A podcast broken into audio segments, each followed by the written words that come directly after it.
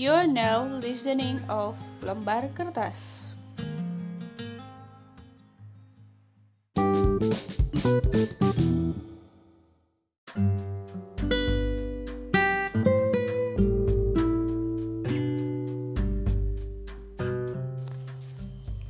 Hello guys, happy Eid Mubarak. And before we talk about how to forgive, let me talk to you about how to deal with a friendship breakup. It's never easy when a friendship ends. You might have been the one to decide to end it, or maybe your former friend decided to end it. The friendship might have been a toxic or codependent, or it have been totally fine and wholesome. It might have ended out of the blue, or you might have just gradually drifted apart. Either way, it is a tough deal. Though friendship breaks up are not discussed as often as a romantic breakup, they have been to everyone and they can hurt just as bad or even worse than a breakup with a romantic partner.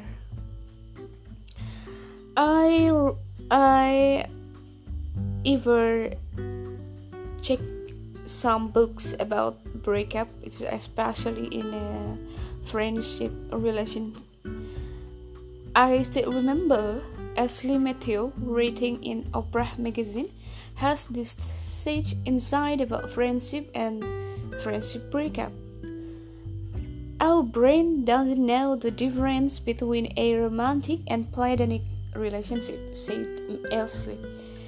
And other times, neither does a heart. Whichever way it ended, it's now over.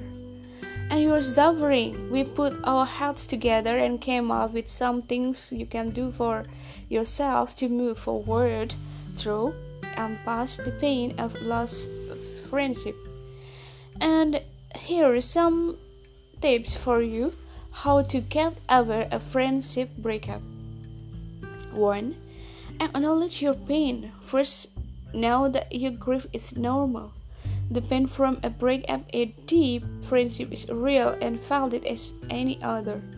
You and your friend probably share almost everything and spend practically all of your time together. You talk on the phone for hours on end and share endless texts and messages, and it's all gone. The loss of intimacy and connection is real it's valid and it's hard. People don't try to tell yourself it's nothing because it really is something. 2. Practice self care. Though it seems far easier to move in bed all day, make sure you get out and take care of yourself. Don't neglect personal hygiene and participate in your regular daily or weekly activities even if they're the last thing you want to do, just going back your regular routine will help you recover uh, from the pain of the breakup. It helps to take part in activities that bring you satisfaction or joy. For you, this could be reading, playing music, creating art, socializing, chilling on the beach, getting a message, getting your nails done, or something else. If it's healthy outlet and it makes you feel better, it's self-care. 3. You have to avoid rumination. Okay, that's a fancy psychology word of for going over all talk to the point where they interrupt your present happiness. In the case of the modern teens, you women you should avoid browsing through your old texts and picture all day if they bring you more sadness. If you think it will help you move forward, delete them. But remember, erasing their memory is not what you're after.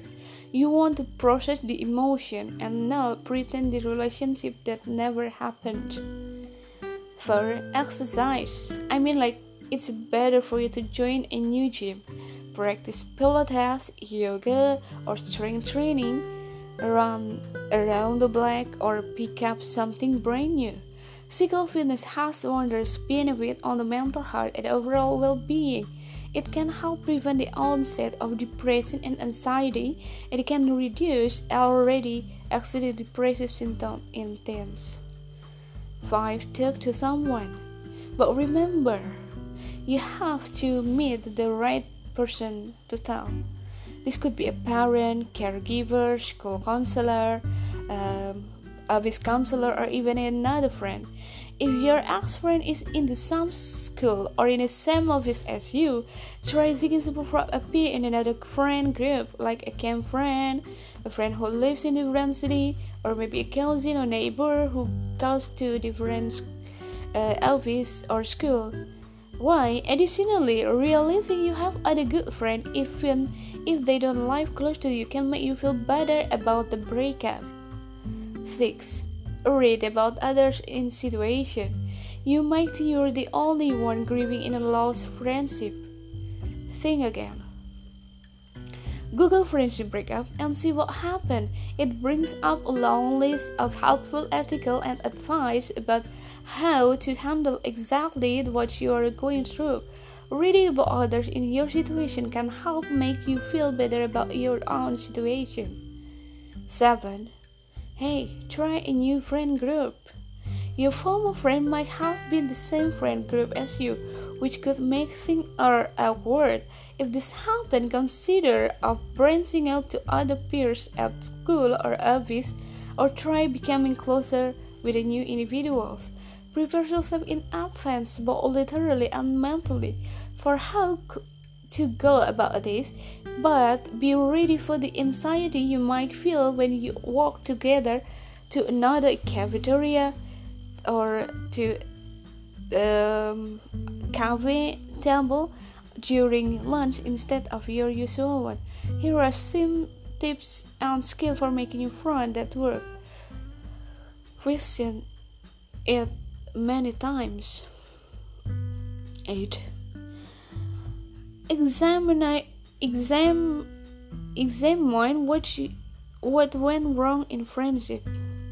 Oftentimes, friendships turn sour when one friend behaves insensitively toward the other, or sometimes toxicity is mutual.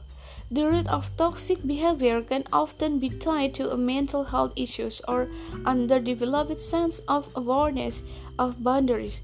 If you feel issues you need to work on play any sport and the end of the friendship, then consider outpatient therapy especially if this is not the first time an important relationship has suffered or if you realize that this is a recurring pattern in your life or your friendship.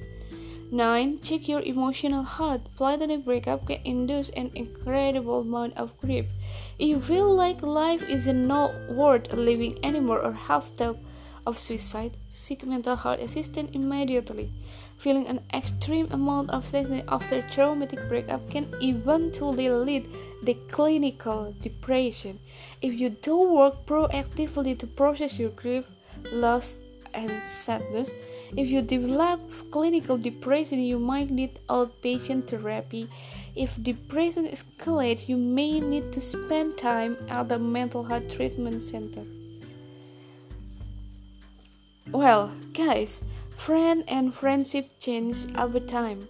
When you are in a close friendship, you might think you two will always stay this close together, but friendship doesn't always last forever despite your expectation. Friends come and go throughout your life. Think about it. The friends you had in middle school are not always the same ones when you having in a high school. A friend had you had in a high school are not always the same one you have in a college.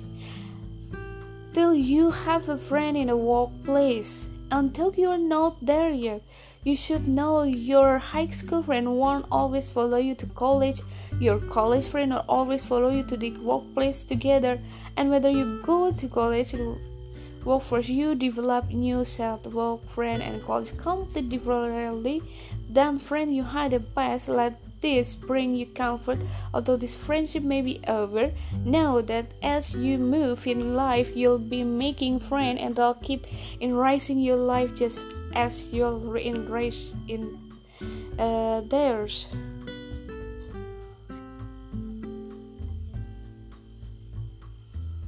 So that's all I want to say to you guys. Please be safe and all also stay healthy and uh, especially for your mental health.